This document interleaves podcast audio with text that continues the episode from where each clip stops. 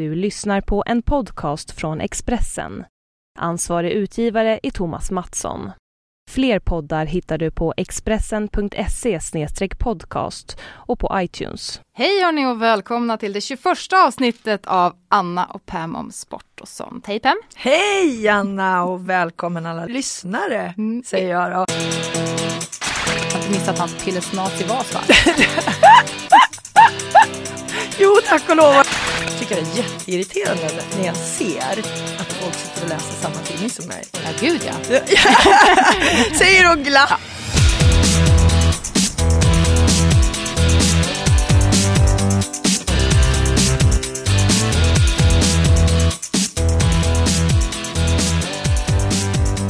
Som eh, eh, extra så här morgonbonus så kan jag berätta att den här podden är sponsrad av Secure, den mobila plånboken. Det är faktiskt jättesmidigt att betala med den. Eh, när man bara lyfter upp mobilen och så taggar man in den här lilla eh, pluppen som står på väldigt många butiker nu. Jag hörde faktiskt senast att det är massa skobutiker. Pluppen? Ja men, ja, men det, här, det är som ett märke så bara Ja. taggar man in. Som en konstig streckkod helt enkelt. Ja men precis faktiskt, det finns på tusentals butiker nu i Sverige. En plupp. Ja, en plupp! Men det, det, jag tänker liksom, vi har ju pratat så otroligt mycket om dina fötter och, och dina hälsenor och dina skor. Och nu har faktiskt, Anna, det här är en nyhet för dig, en massa nya skobutiker anslutit sig till Secure. Det är Nilsson, det är Din Sko, det är Echo, det är Skopunkten. Så då kan du bara gå in och så tar du din mobil och så tar du sånt som passar din hälsena helt enkelt. Den Idag- berömda hälsenan. Idag är jag nöjd med mitt skolval. Jag har ett par gummistövlar. Det är nämligen en regndag. Åtminstone i Stockholm. Och jag har för första gången på flera månader fått på mig ett par högklackade skor. Det är kontraster idag kan jag säga. Ja, men det- står här i klänning och högklackat och jag står i gummistövlar och jeans. Ja, nej, men, jag Men det är väl lite så vi är va? Ja men det är ju lite Glam, sådär. Pam och jordnära Anna. Helylle Anna. Stickad tröja också. Nej, ja det har inte jag. Men grejen är att jag är så lycklig för det för jag har ju inte fått på mig några skor, några vettiga skor förrän egentligen idag.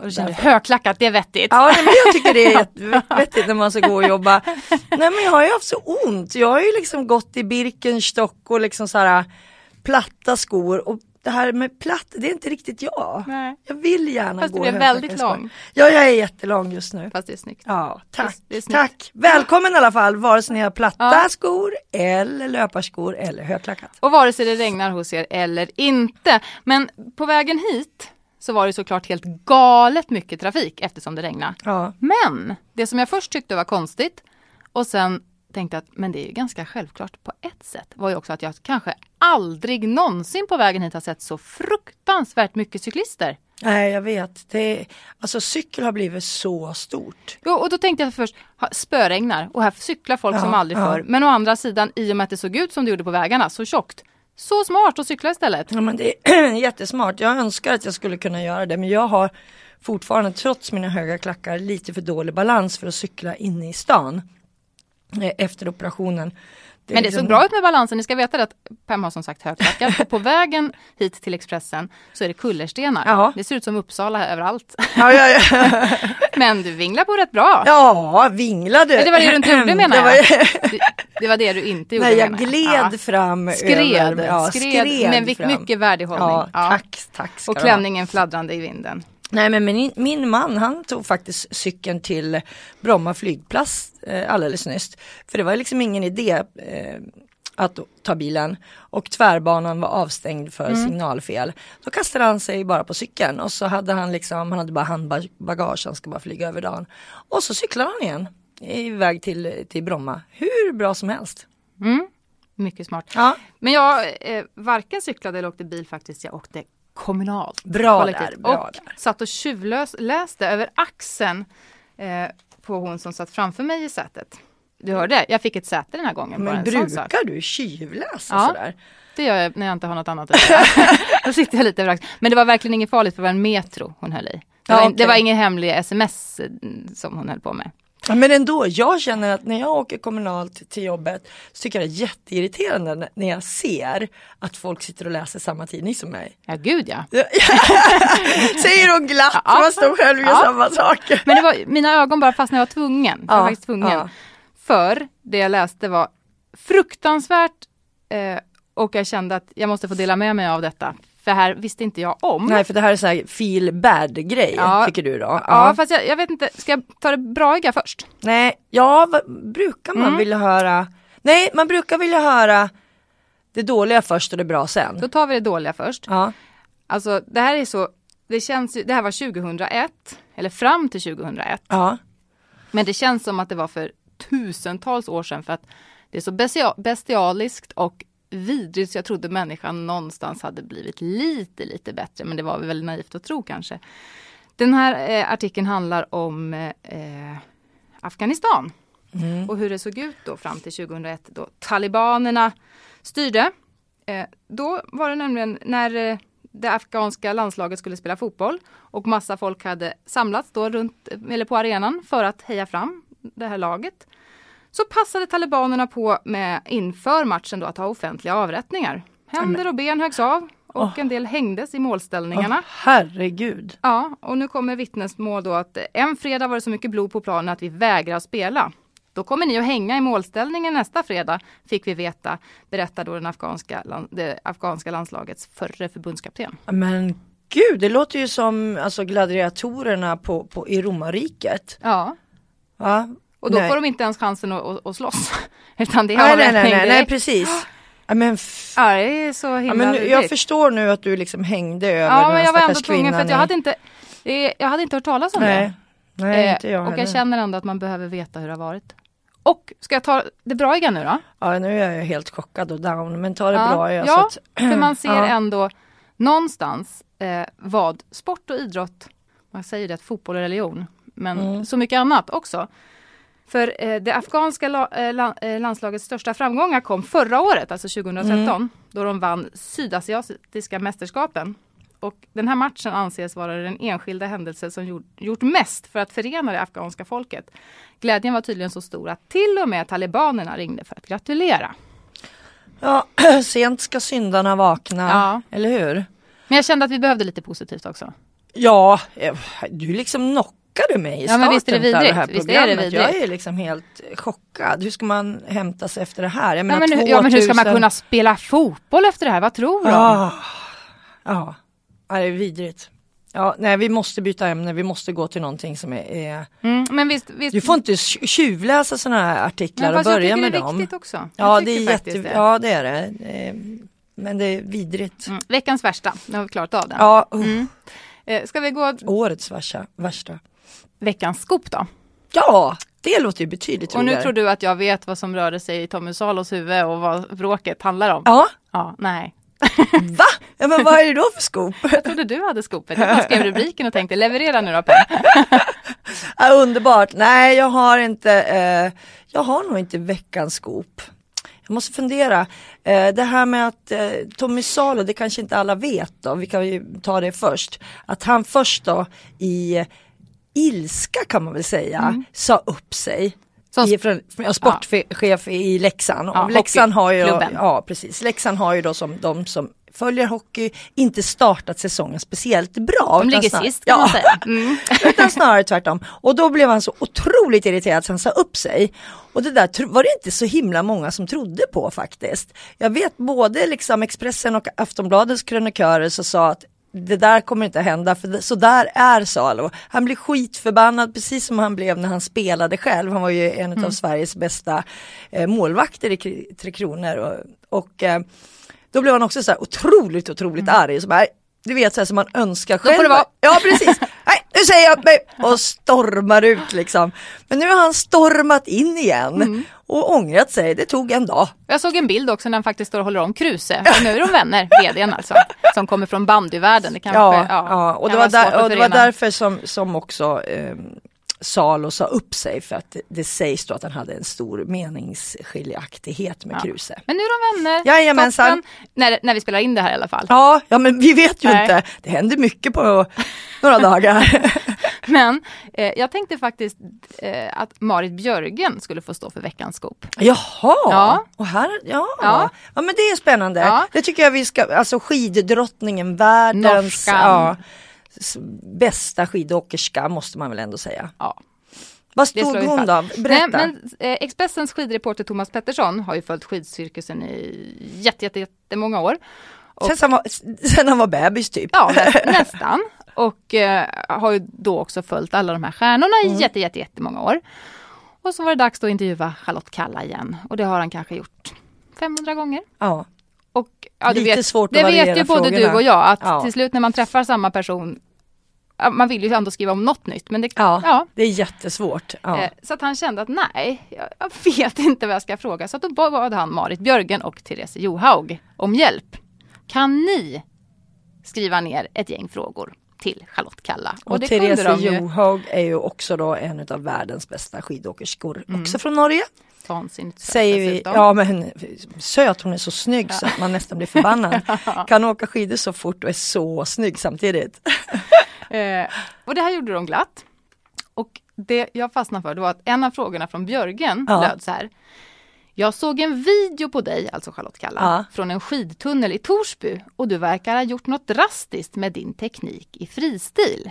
Och där hoppade ju då Thomas Pettersson till, Ja. för det här hade ju inte han Märkt. märkt Nej, såklart.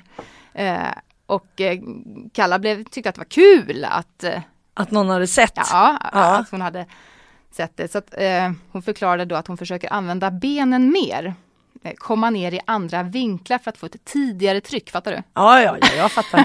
Ja, herregud, du pratar med en gammal skidreporter, jag förstår precis. Tydligen väldigt, väldigt svårt. Ja. När hon lyckas så blir det jättebra. Men när hon inte lyckas så blir det så att hon måste öva och hon kan bara öva på det här i snö.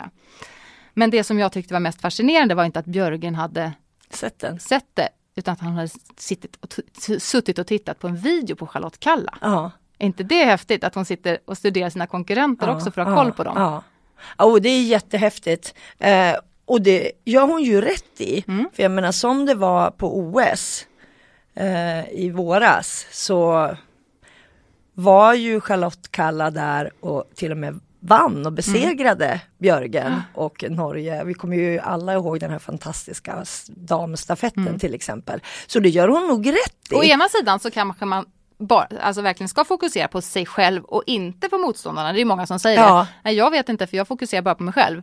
Men eftersom de ändå ser Kalla som Ja, ett sånt stort ja. hot och tänker att hon ligger i framkant, kanske även när det gäller då Mm. tekniska Eh, detaljer och sådär.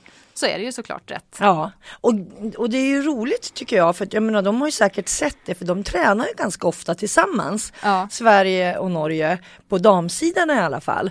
Och det är ju liksom ganska, eller ganska, det är unikt att man gör det för att det är ju de, Kalla, Johaug och Björgen tillsammans Mm. med Kowalczyk som är polska då, som är de ledande damerna. Och att man då liksom tre av de här värsta konkurrenterna tränar tillsammans. Men de triggar nog varandra också. Ja, jag det tror det. det. Och det är väl därför de blir bättre och bättre Ja, också. Jag menar herregud, tränar man med de som är bäst i världen på träningarna. Jag menar, då lär man sig enormt mycket och de kanske har sett Kalla utvecklas under den här sommarperioden och, och, liksom, och bara Mm. tänkt så här, hmm, nu letar vi nog fram en liten video här, DVD.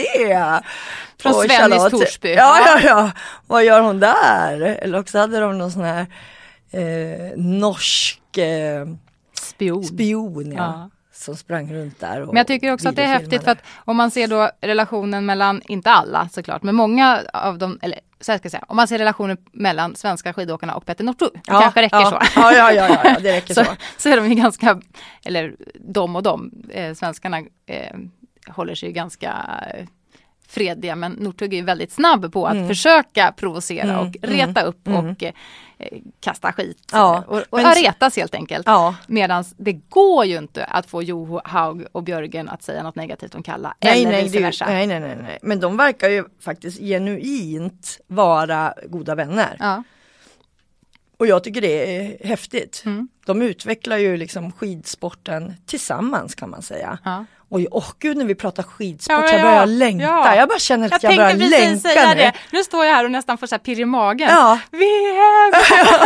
VM går ju i Falun Ja. i februari nästa år. Så att liksom ni som, som har nära och alltså även ni som inte har nära, ni måste ju passa på att åka dit. Att se de här fantastiska idrottskvinnorna och idrottsmännen tävla på hemmaplan och man kommer ju väldigt nära Ja. när man liksom kommer på en skidtävling. Man kan ju gå ut i spåret och verkligen stå Alltså någon meter ifrån och se dem forsa och se det går det så här. fort. Det går så fort i verkligheten Och det, och det så att det är- ser man ju inte på Nej. tv men när man står där, det säger swish. Ja. Det är så häftigt, missa inte den chansen. Jag får ju den här tidningen Vasalöparen. Ja. Eh, och då var det en intervju med Charlotte Kalla i den också. Och då fick hon just frågan eh, hur hon såg på eh, VM på hemmaplan Mm. som det ändå är. I och med att norrmännen har så pass nära.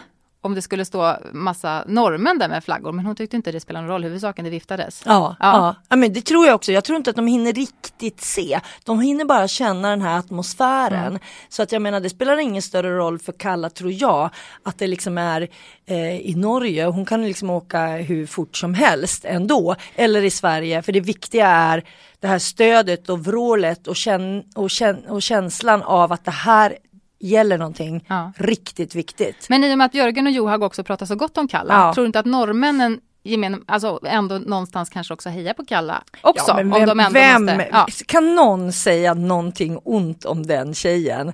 Jag menar med det fantastiska leendet Mm.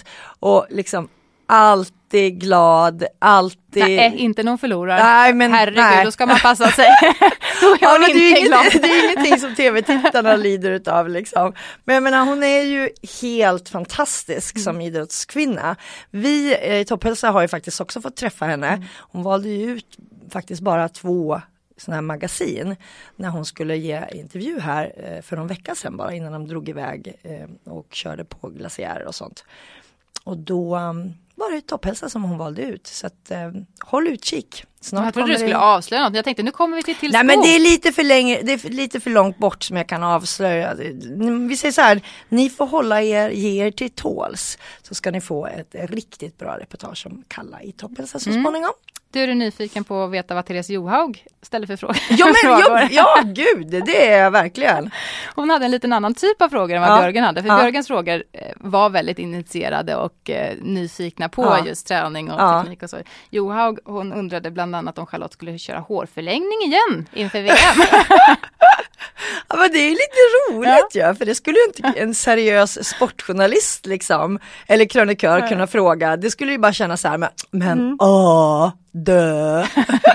ja men vad svarar hon då? Kanske. Hon tyckte att eh, hon trivdes väldigt bra med hårförlängning men att det var väldigt jobbigt att ta bort dem så hon fick se om det var värt det. Ja, det är underbart. Frågar hon inget mer? Så här, om, Hon frågade om, om Charlotte Kalla och hennes eh, pojkvän Anders eh, Svanebo, Mm. heter han, Mm. eh, som bor utanför Sundsvall. De håller på och bygger hus. Och då frågade också Johaug om hur det går med klädgarderoben. Ah. Ja, kör, precis, bygger hon ett walk-in closet eller? det verkade som det. Åh, Mm. grön av avund. Hänger bara träningskläder och Åh. Fast hon är ju ganska klädintresserad också. Ja, faktiskt. ja. Men apropå det här med frågor så skickade jag ut en fråga på Facebook. Ja, till er lyssnare där ni skulle få, om ni fick eh, leka journalist, om vilken, vilken ni skulle välja att intervjua och vad ni då skulle fråga om. Och då har vi fått lite förslag här. Susanne, hon skulle, gissa vem hon skulle välja. Susanne hon skulle välja Zlatan. Ja, Jag tror att de flesta skulle välja hon Zlatan. skulle välja Zlatan. Och då skulle hon fråga hur han ser på eh, eh, sina barns framtid inom fotbollen och hur han då skulle stötta dem på bästa sätt om de ville Ja, satsa. ja, ja. Och det är väl en bra fråga? Det tycker jag är en jättebra fråga. Mm. Frågan är vad om Zlatan skulle svara på den. Han är ju väldigt privat utav sig. Ja. Men man vet inte. Ja, tror det beror på vem som ställer frågan. Om Susanne gör det så kanske. kanske. Ja. Eva-Karin hon undrar, eller hon skulle vilja intervjua Börje Salming. Och det har lite grann med Zlatans också, för det handlar om, vi har ju pratat om Börje Salmings dotter, Bianca Ja, Salming. Ja. Hur och vi har pratat om Börjes eh, sommarprat också. Gud, vi, Ja, vi kommer- vi gillar Salming här vi kommer i podden. prata mer om, om Börje Salming. Men vad I, I det här frå- avsnittet också. Ja. Men, nej, men hur, hur, det här, hur det förpliktigar att heta Salming i efternamn. Mm. När man har en annan karriär men ändå är väldigt duktig Mm. inom den sporten som ju Bia- Bianca är, en av Sveriges Mm. bästa höjdhopperskor bland annat.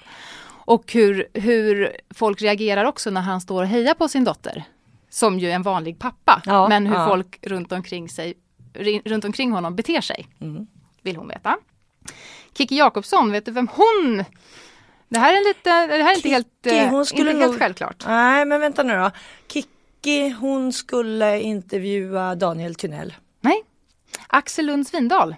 Jaha! För att han är så snygg, charmerande, ödmjuk, vältalig. En världsstjärna. Ja. Vi får väl säga eh, Axel Lund Svindal är ju alltså en norsk alpin skidåkare. Som eh, har bland annat 25 världscupsegrar. Han tog tre medaljer på OS 2010, en av varje valör. Jag tänkte nämligen eftersom Kiki kanske inte får chansen att intervjua honom så tänkte jag ge henne lite bonusinfo. Ja. Du är så snäll du! Ja, eller hur? Eh, trots att han, ja, eller på grund av kanske att han är så snygg, charmerande, ödmjuk och vältalig, eh, så har han ju då en flickvän. Nämligen den alpina kollegan Julio Mancuso som ju också är Ja, väldigt framgångsrik. Alpina kä- stjärnan. Ja. Mm. Han har ett sommarhus i Sverige, där han var två veckor i somras. Perfekt att ladda batterierna på. Mm. Vart ligger det huset då? Det skrev han inte, jag var inne på hans blogg och kollade. jag kan berätta att just nu så håller han nog på att avsluta en fem veckor, ett fem veckor långt läger som han har eh, haft då, tillsammans med övriga norska landslaget i Chile och Argentina.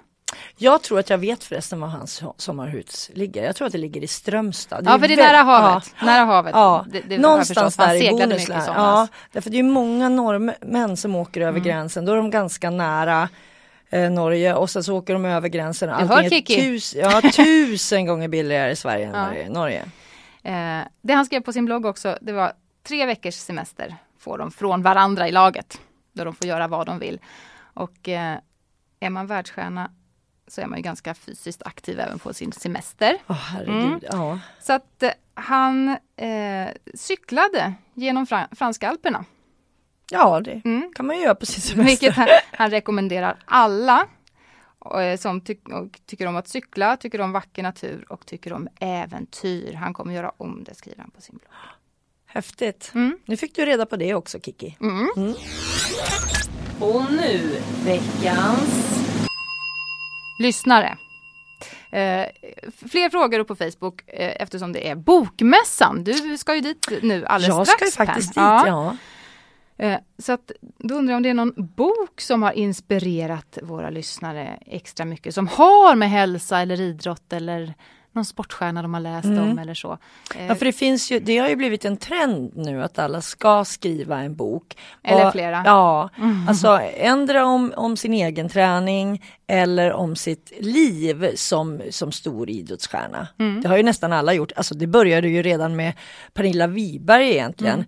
Hon skrev ju mitt i karriären och jag tror till och med att boken heter Mitt i karriären. För att Hon hon fick en låt dessutom. Ja, precis. Så att eh, det har ju varit Ja. ganska, eh, en trend ganska länge. Och eh, en av de mest sålda böckerna är såklart Jag är Zlatan. Ja, det är ju en av de bäst, mest sålda böckerna ever överhuvudtaget Ja. i Sverige. Vilket är ju fantastiskt.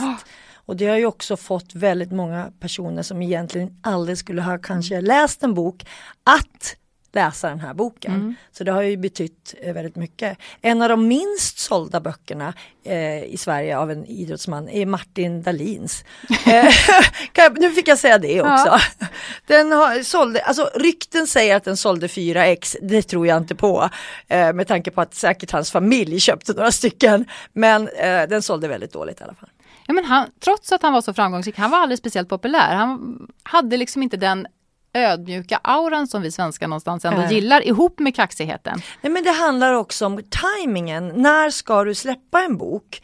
Du kan inte släppa en bok något år efter att du har slutat. Utan du måste släppa boken liksom när du fortfarande är någon som man Fast det beror på pratar vem om. man är. Naturligtvis, och då beror det också på vad du avslöjar i boken. Jag menar som Börje Salming till Vi exempel. kommer till det. Bra, Ja. för att, ja, då ska inte jag säga något mer. Men alltså de som kommer med avslöjanden, de kan ju liksom hur det egentligen var. Ja. Då är det ju intressant. Men bara en vanlig idrottsbok om sin karriär, då ska man tajma den. Det är ett tips från coachen här. Eh, om det ska vara intressant. Gör om, gör rätt Martin Dahlin. Det är svårt nu kanske. Ja, nu, nu nu. är det kört. Nu det är det vara- kört. ja. Men, men de böcker som vi har fått tips om bland Mm. annat då, då, så är det Lotten som skriver Malin Evelöfs bok Bli en bättre löpare. Har du läst den? Nej, jag har inte läst den, men eh, Malin är ju en väldigt populär löparcoach Mm. överhuvudtaget. Vi brukar ha med henne på våra resor och inför topploppet då som gick förra helgen så, så hade vi trä, eh, träningar med henne Mm. som var gratis för, för läsare. Så att hon är ju väldigt populär så att det förvånar mig inte att det är någon som, som kommer just med, med, med det förslaget. Nej, jag har en kompis som har varit med på en av de här Evelöv-träningarna, Ja, eller flera ja. stycken faktiskt. Uh, otroligt vältränad, har Ja. tränat i hela sitt liv. Och det här med springa, det- vem kan inte springa? Ja men precis, Nej, men det är... Och så pekar Malin på några punkter. Och det blev så fruktansvärt mycket jobbigare med löpningen. men går det var ju också för att det gick fortare. Mm, mm. Nej men Eh. sånt där är ju jättehäftigt tycker jag, just när det, när det handlar lite grann om teknik. Ja. Och just som du säger, jag menar att gå och springa, det har man ju gjort ända sedan man, man var liten. Mm. Men det Och behöver ju inte betyda att man gör det rätt. Nej, att bara liksom ändra lite, Mm. ofta är det liksom höfterna som behöver rättas till. Mm. Ändra skjutas framåt eller skjutas bakåt eller lite sådär. För att det ska gå så otroligt Mm. mycket lättare. Och för att det ska också minska skaderisken. Ja precis, för det är ju en ganska stor belastning ändå om man ska Ja, springa mycket. ja, ja. Att man kanske kortar ner stegen, att man inte tar så långa Mm. steg. Många springer ju kanske lite för mycket på hälarna också. Ja och nu så säger man ju liksom att man ska spr- springa på tårna. Mm. Och det är en konst. Jag gick faktiskt en sån ehm, vi hade en tjej som kom när vi var i New York och skulle springa New Yorks tjejmil. Så hade vi Annie Fast som hade en kurs hur man skulle springa. Bara så här på en, på en halvtimme. Bara det gjorde faktiskt stor skillnad. En halvtimme med någon som riktigt kunde visa och så fick man öva. Det är, det är jättesvårt. Men ni förstår ju också om ni står, försök att få bra svikt med hälen eller Mm. försök få bra svikt med frambladet på fotsulan. Det är Ja. klart att det blir väldigt skillnad. Ja, ja, ja, Man får ja. ett helt annat avstamp ja, avtryck ja. i varje steg. Ja. Ja, men det är de här små detaljerna och jag gillar sånt. Jag kan nörda in på, på detaljer. Mm. Vi har också fått tips om boken Born to Run. Och då får jag så dåligt samvete för den fick jag av min mamma i födelsedagspresent för kanske tre år sedan. Och jag vill verkligen läsa den. Så den ligger på vänt. Ja men jag, jag får också så extremt dåligt samvete. Den ligger till och med på mitt nattduksbord Ja. och har gjort det i två år. Men den ska vara bra. hörni. Den ska vara Ah! ja, men bra. det läggs Ja. alltid någon annan viktigare just då bok över. Jag har, liksom fyra, fem böcker som ligger på nattduksbordet så att jag liksom alltid ska ha någonting när jag går och lägger mig och slippa gå upp och, och vänta. Ja. Och det är en sån bok som ligger där. Och jag, äh, nu skäms jag också. Gör inte det. Jag ska lägga den överst. jakten på löpningens själ. Ja. Eh, eh, Lars Andersson, han eh, tips är eh, Börje Salmings tredje bok. Börje Salming kommer ju faktiskt eh, du göra sällskap med höll jag på att säga. Men han ko- kommer Ja. ju också ner till bokmässan för att han släpper sin tredje bok. Eh, och då kan man tänka att vad ska han prata om i Ja, den och vad ska ni avslöja där? Mm. Men, det har men, varit kokainaffären Ja. och det har varit både det ena och det andra. men kokainaffären har han faktiskt inte skrivit om tidigare, vilket han kommer göra i den här boken. Och han har nämnt den i alla Ja, fall. ah, ja det är ju ingen, Nej, det är ingen ingen nyhet, nyhet. på det Nej. sättet. Men han skriver om den eh, nu i alla fall. Eh, och På riktigt liksom. På riktigt. Eh, sen kanske han också, i och med att hans sommarprat var så extremt hyllat. Eh, Precis, och så- så lite finns känns det som att eh, nu var det extremt hyllat, vad ska vi skriva om? Men vi tar den här kokaingrejen Mm. igen och så får du berätta allt den Mm. här gången och inte bara liksom nämna det i förbifarten. Lite så här eh, tjäna pengar bok Nej då, vi hejar på Börje. Ja, Ja. fast jo, men det här är verkligen att ta allt ett varv till. Ja, fast det hänger ju på oss. Vi kanske suktar efter ett varv till. Inte Eller jag. hur? Ja, Nej. inte jag. jag. Nej, nej det gör jag inte. Och då jag kan jag ju avslut, avslöja den här kokain, så behöver ni inte... Nej. Nej, men det var ju så, eh, när han spelade i Toronto så testade han kokain. Ja. Men det började gå rykten om att han till och med var kokainmissbrukare. Ja, ja. Så att för, för, för att få tyst på de här ryktena eh, så gick han ut i tidningen, tidningarna och pratade ut om det. Eh, följden blev då att han blev avstängd i åtta matcher Mm. av klubb, klubben. Eh, ja, jag vet inte vad man ska säga om det, men han tycker att det var helt fel agerande av klubben. Därför, inte för hans del, men för eh, lagkamrater Mm. så fanns det en del som faktiskt hade drogproblem. Mm. Och som då verkligen inte vågade gå ut Nej, med det, med rädsla för att bli avstängda istället för att få hjälp. Men som sagt, det där har man ju hört, det, är, alltså det har ju skrivits om så många gånger så jag känner att jag behöver inte läsa om det igen. Då finns det istället betydligt eh, andra och, och, mm, böcker som jag ser fram emot. Men Lars läsa. gillar det, han tycker det är bra. Ja, heja Lars, du får läsa heja vad du vill. alla lyssnare. men, men en bok som, jag vet inte, går du igång på den här då? Björn Ferry. Han kommer med Fairy Tales, inte så förbannat tillrättalagt. Den kommer inte ut nu under bokmässan utan inte förrän i november så han har ju tajmat det lite dåligt ja, kanske ja. kan man tycka. Men, eh, men det kan bli en julklappsbok. Han sitter naken på omslaget till exempel. Döljer de eh, vitala, delarna. vitala delarna med ett skidskyttegevär. Jajamensan, mm. oj. Nej, jag går inte igång på den heller faktiskt om jag ska vara riktigt ärlig. Jag tycker inte att eh, skidskyttelandslaget på det sättet eh, är jätte eh, intressant. Jag tycker att Björn Ferrys fru är mycket mer intressant. Heidi Andersson. Från ensamheten, ja, armbryterskan från ensamheten. Hon är någon som jag fascineras utav och tycker är helt fantastisk. Björn gillar jag, han är liksom så här spelevink men jag är inte speciellt nyfiken på vad han har att säga så här långt efter karriären. Om han inte kommer med världens avslöjanden. Scoop är vi ju som journalister väldigt mm. intresserade av. Men nu är han ju aktuell igen för han kan, ska ju sitta som expertkommentator. Ja, det gör, de brukar ju hamna där. Ja, ja. Fast jag kan inte låta bli att ändå gilla hans kreativa förmåga när det gäller konst. Du har inte missat hans pillesnas i vas va? jo, tack och lov har jag missat det. Pillesnasig vas? Ja. Nej, jag har, åh, jag är glad att jag har missat den. Men berätta vad det är. Ja, det är som det låter. En pillesnas i en vas. Man kan sätta blommor i den också. Ja, ja. och inte bara snasen. jag vet inte. Jag vet inte om jag skulle vilja ha den hemma. Är det så massproduktion eller är det one piece? Ja det finns nog flera stycken som både du och jag kan ha om vi vill. Ja, mm. ja.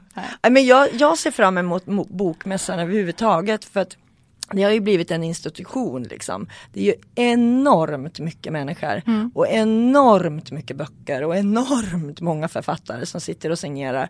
Men det är ganska spännande att gå runt och lyssna på alla de här föreläsningarna och, och seminarierna för där är det ju men där får man höra människor prata och orkar man inte läsa boken så får man ändå höra liksom, dem prata och man får mycket inspiration. Ja. Eller också så får man höra dem prata om en bok som man aldrig skulle ha köpt och så blir man så här wow, mm. så går man och köper den och så får man en läsupplevelse som man inte visste att man ville ha. Och mm. det är ju det häftigaste. Absolut, jag tänkte ta nästa rubrik bara för det, för du var inne på det.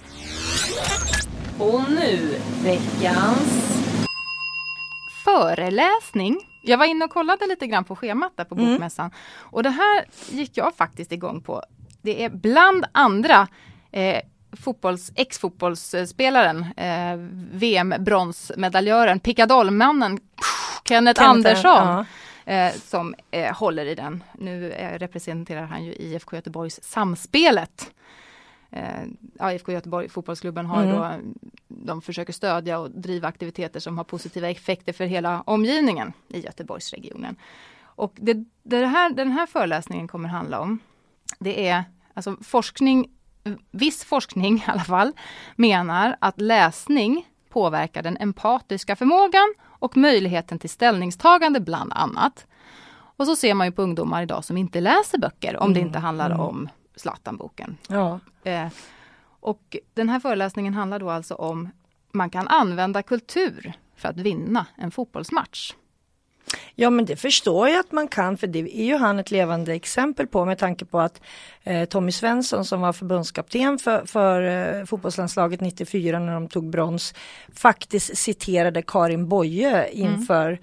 Den här, de här matcherna och eh, som blev jättekänd och alla kunde liksom citera den här dikten. Eh, det är målet, det är vägen, eller vad, vad är det nu, det är målet som är, gör ah, Ja du ser, jag kan ju inte den just nu, jag kunde den. Men där fick han ju verkligen en dos kultur. Ja. För jag är säker på att det inte bara var den dikten. Nu har jag hittat eh, Karin Boyes dikt som Tommy Svensson läste för spelarna. Den mätta dagen, den är aldrig störst. Den bästa dagen, är en dag av törst.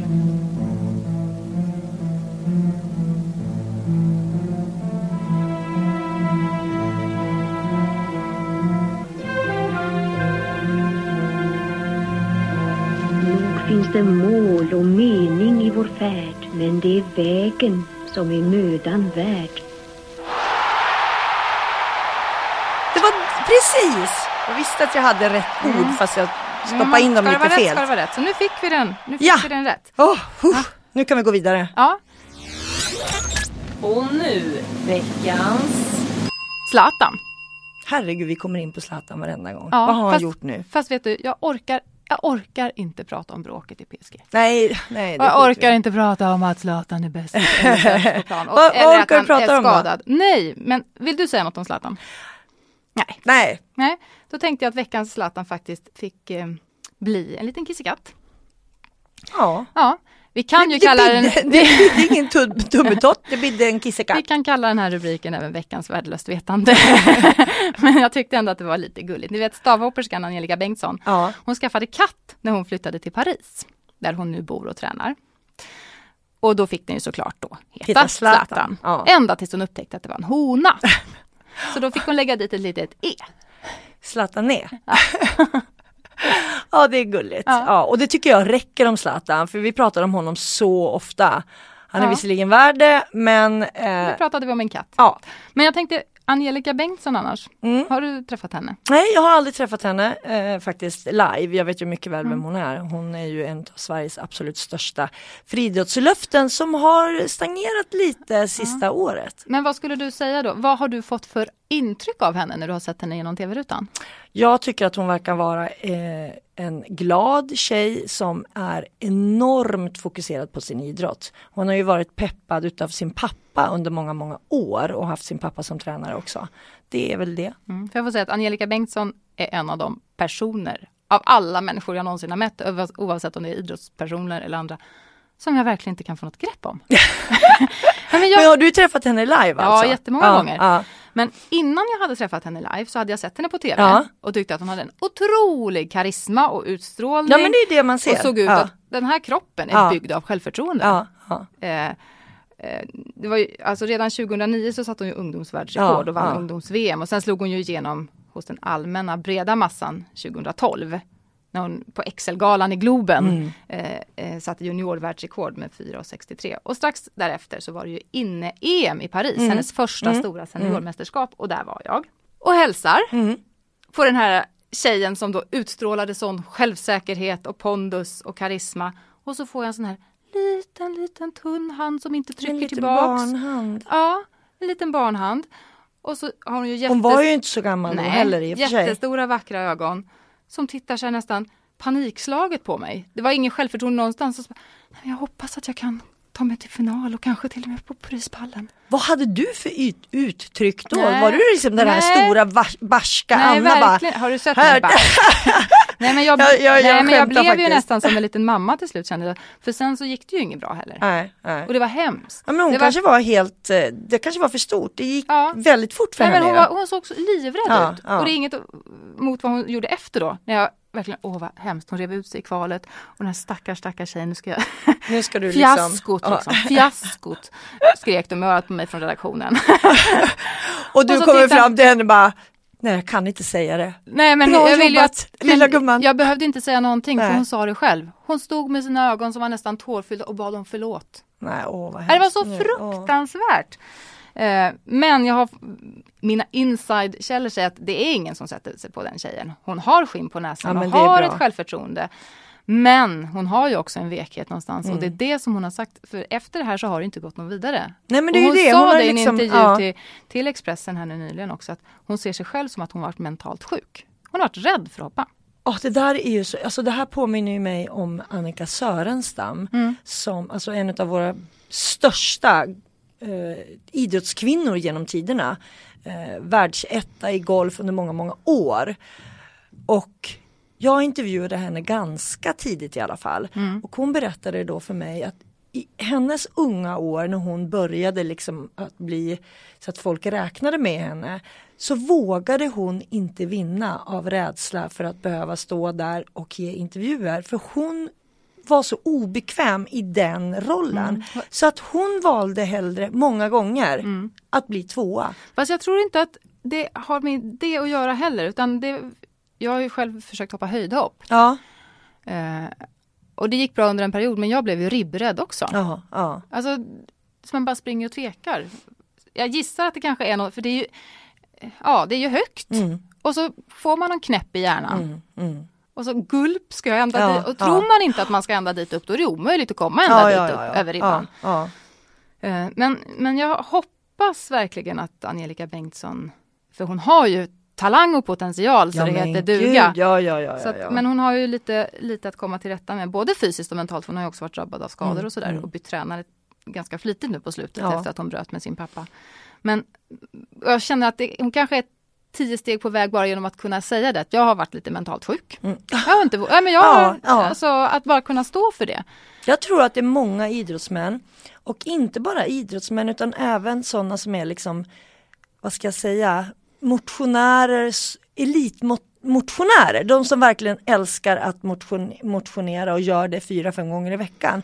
Som borde eh, lära sig att tänka rätt. Därför att det är jättesvårt. Man sticker ut, vi har ju tidigare pratat om att det är så lätt när man sticker ut och springer till exempel.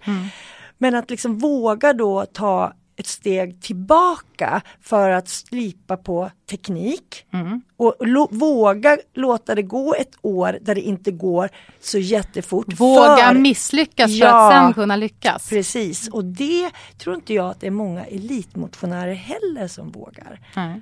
Så det är ju ett bra tips tycker jag. Att känner man liksom att ja, men jag blir ju inte snabbare och nu har jag liksom, jag, det här är min tid så, två år tillbaka liksom. Då är det ju någonting om man har den potentialen att man måste gå tillbaka och kanske söka hjälp vare sig det gäller teknik eller sätt att tänka och våga gå tillbaka. Börja om. Mm. Nej men det här att man vill så gärna vinna.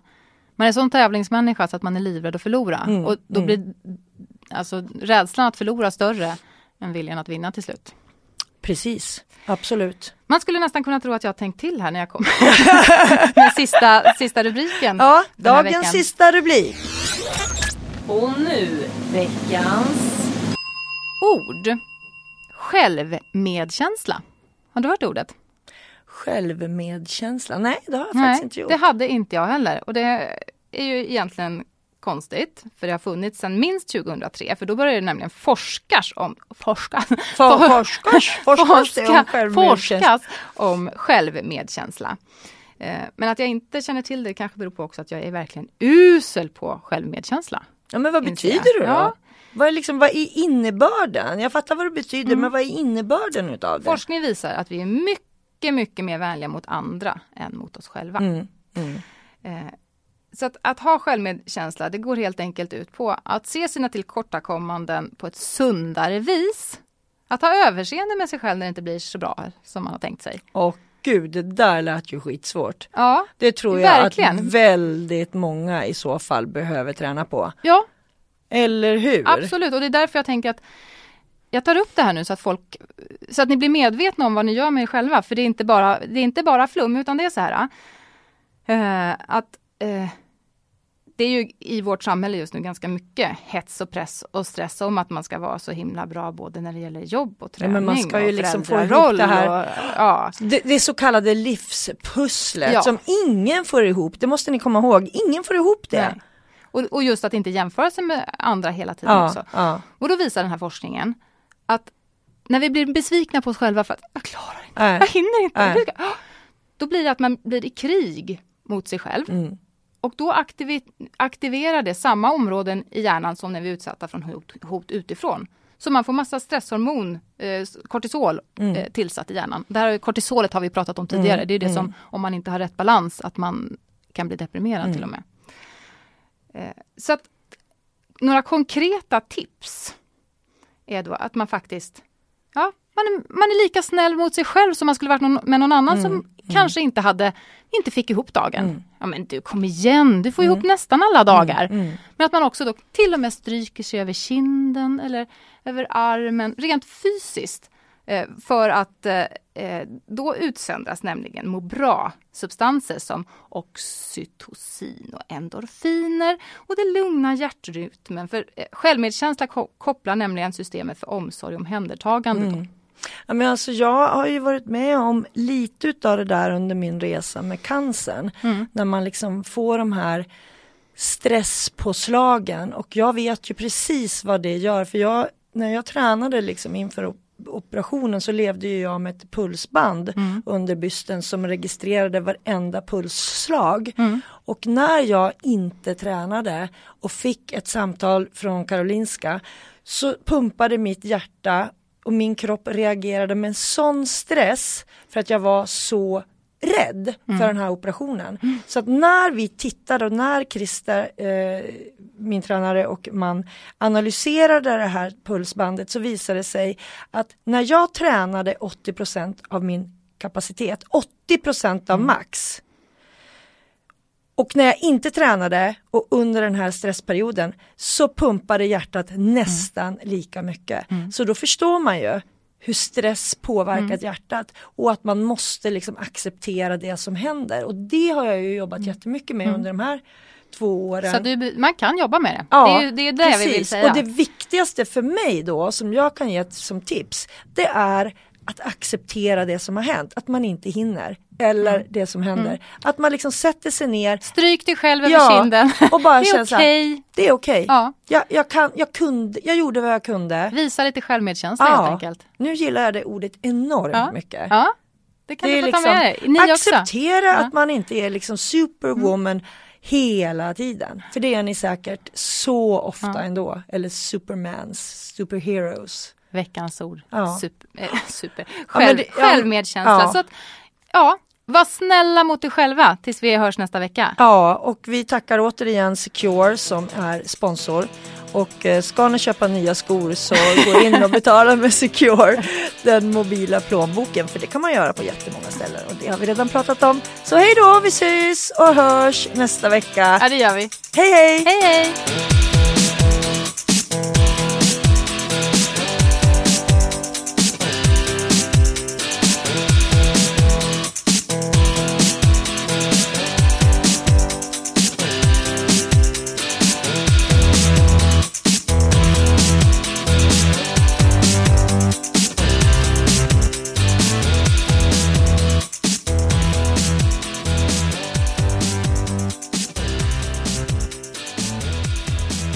Har lyssnat på en podcast från Expressen. Ansvarig utgivare är Thomas Mattsson. Fler poddar hittar du på expressen.se podcast och på iTunes.